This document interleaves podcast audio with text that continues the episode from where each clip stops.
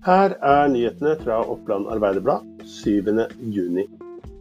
En liten redningsaksjon måtte søndag morgen til for å hente inn igjen en flytebrygge som hadde sneket seg til havs i løpet av natten.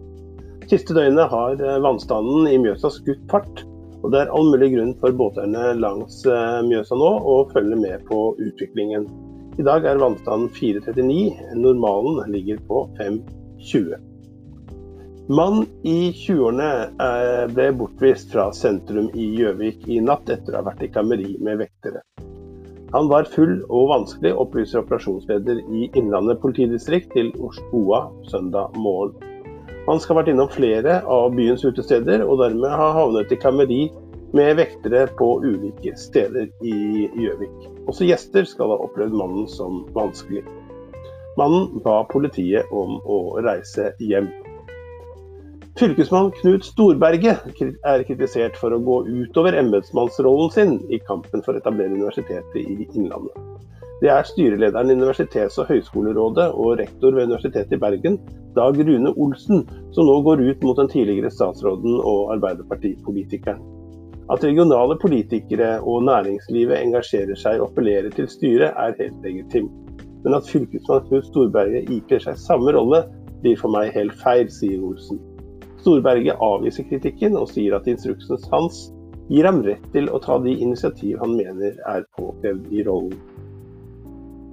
Hensynet til byutvikling og behovet for studenthybler er grunnen til at rådmannen mener det er riktig at Gjøvik kommune bygger parkeringshus til 121 millioner kroner.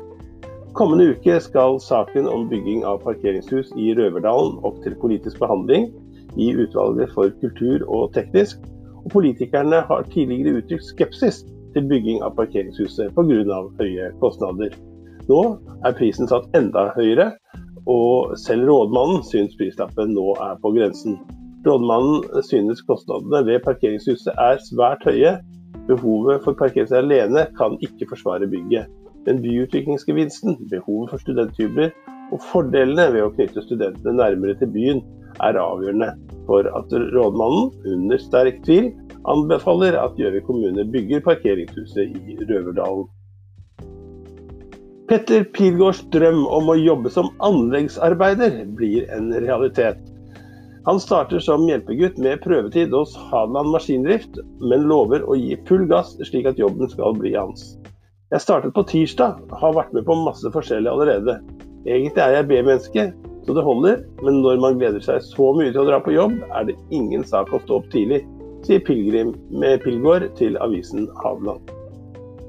Søndag morgen pågår leteaksjonen på Trevatn i Søndre og Land fortsatt.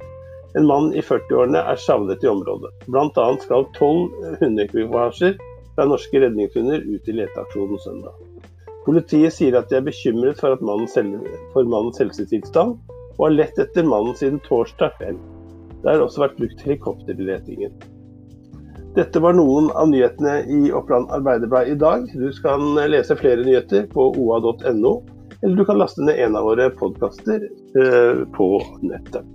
Mitt navn er Erik Sønsterli, og jeg sier på gjensyn i morgen.